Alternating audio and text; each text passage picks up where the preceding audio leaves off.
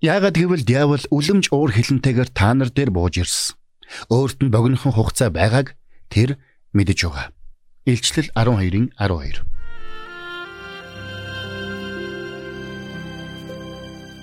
Мэргэний сонсог мэдлэгэд хэлэг.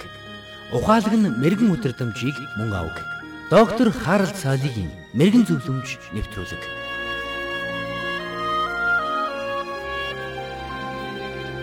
Христэд итгэгч та өөрийнхөө итгэлийн амьдралыг тэр чигтээ сүнслэг тэмцэл гэдгийг мэдэх үү? Хэрвээ та үнийг мэдэхгүй байгаа бол та сүнслэг мэдрэмжээ дээшлүүлэх хэрэгтэй гэж танд зөвлөмөр байна. Гэтэл зарим хүмүүс бүх зүйлийг хэд сүнслэгжүүлж хардаг. Тэд хар бараан бүхнийг диаволтой холбож сатаныг дэндүү хүчтэй нэгэн мэтэр төсөөлдөг. Тэгэхээр бид сатаныг давуулан үнэлэгч хэрэггүй бас дутуу үнэлэгч хэрэггүй юм. Тэр бол бурхныг эсэргүүцэгч нэгэн. Тэр утгаараа Бурхны хүүхэд болсон Христэд итгэгчдийг ч мөн эсэргүүцэж байдаг. Тиймээс хэрвээ та Христэд итгэж Бурхны хүүхэд болсон бол та ч мөн энэ тэмцэл тулаанд автоматар татагдан орсон гэсэн үг. Тэгвэл энэ бүх тэмцэл бидний амьдралд хэрхэн өрнөдөг юм бэ? Би нэгэн жишээг ярьж өгье.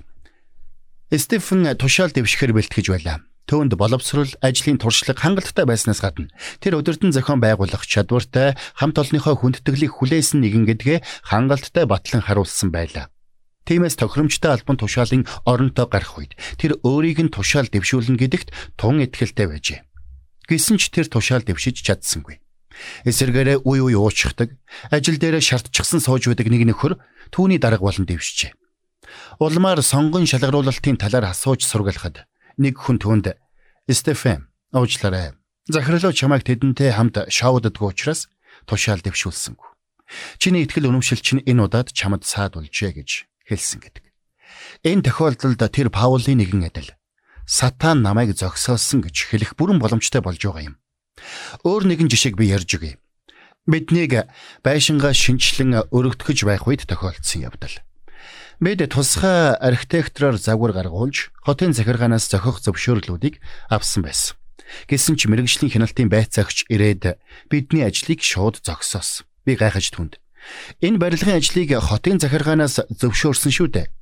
гэж хэлэх үед тэр хүн ихэд уурлаж над руу чи мө уучраа мэдэхгүй Христэд итгэгч химээ хашгиран загнасан билээ. Түүнийг бидэнд акт бичиж байх зур би дотроо. Миний Христэд итгэгч байх эсэх энэ ажилдаа ямар хамаатай билээ хэмээн бодож байснаа санаж байна. Миний барилгын ажлыг мөн л сатан зогсоосон юм. Дээр үеийн нэгэн магтуу дунд энэ бол миний эцгийн дэлхий гэсэн үг гардаг байсныг би санаж байна. Хэдийгээр энэ үнэн боловч гэм нүглийн улмаас уналтад орсон гэдгийг бид мөн санах хэрэгтэй. Паул сатаныг зураглан өгүүлэхдээ энэ ертөнцийн замнал ба агаарын хүчний ноёр хогч дуулгаргүй хөвгүүдийн дотор ажиллагч Эфес 2-ын 2 химэн тодорхойлсон байдаг. Тэгвэл сатан хэр хүчтэй юм бэ?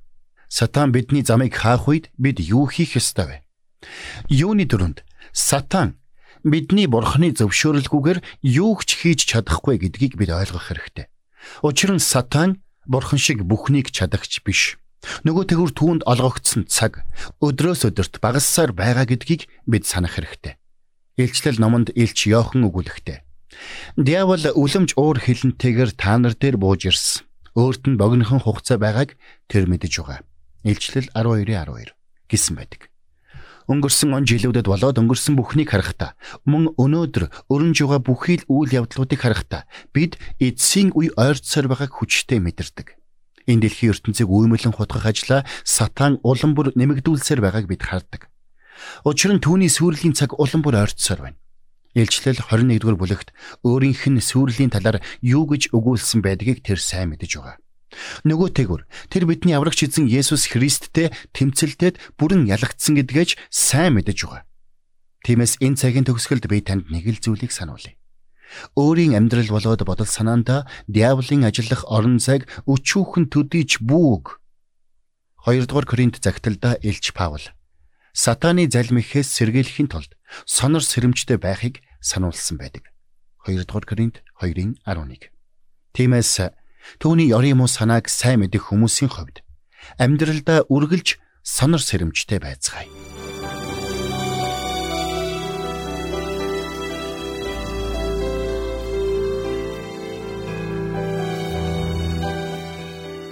Мэргэн нэгнийг дагуул мэргэн, мулгуутай нөхөрлөл хорлол. Доктор Харалт цайлигийн мэрэгэн зөвлөмж нэвтрүүлэг танд хүрэлээ.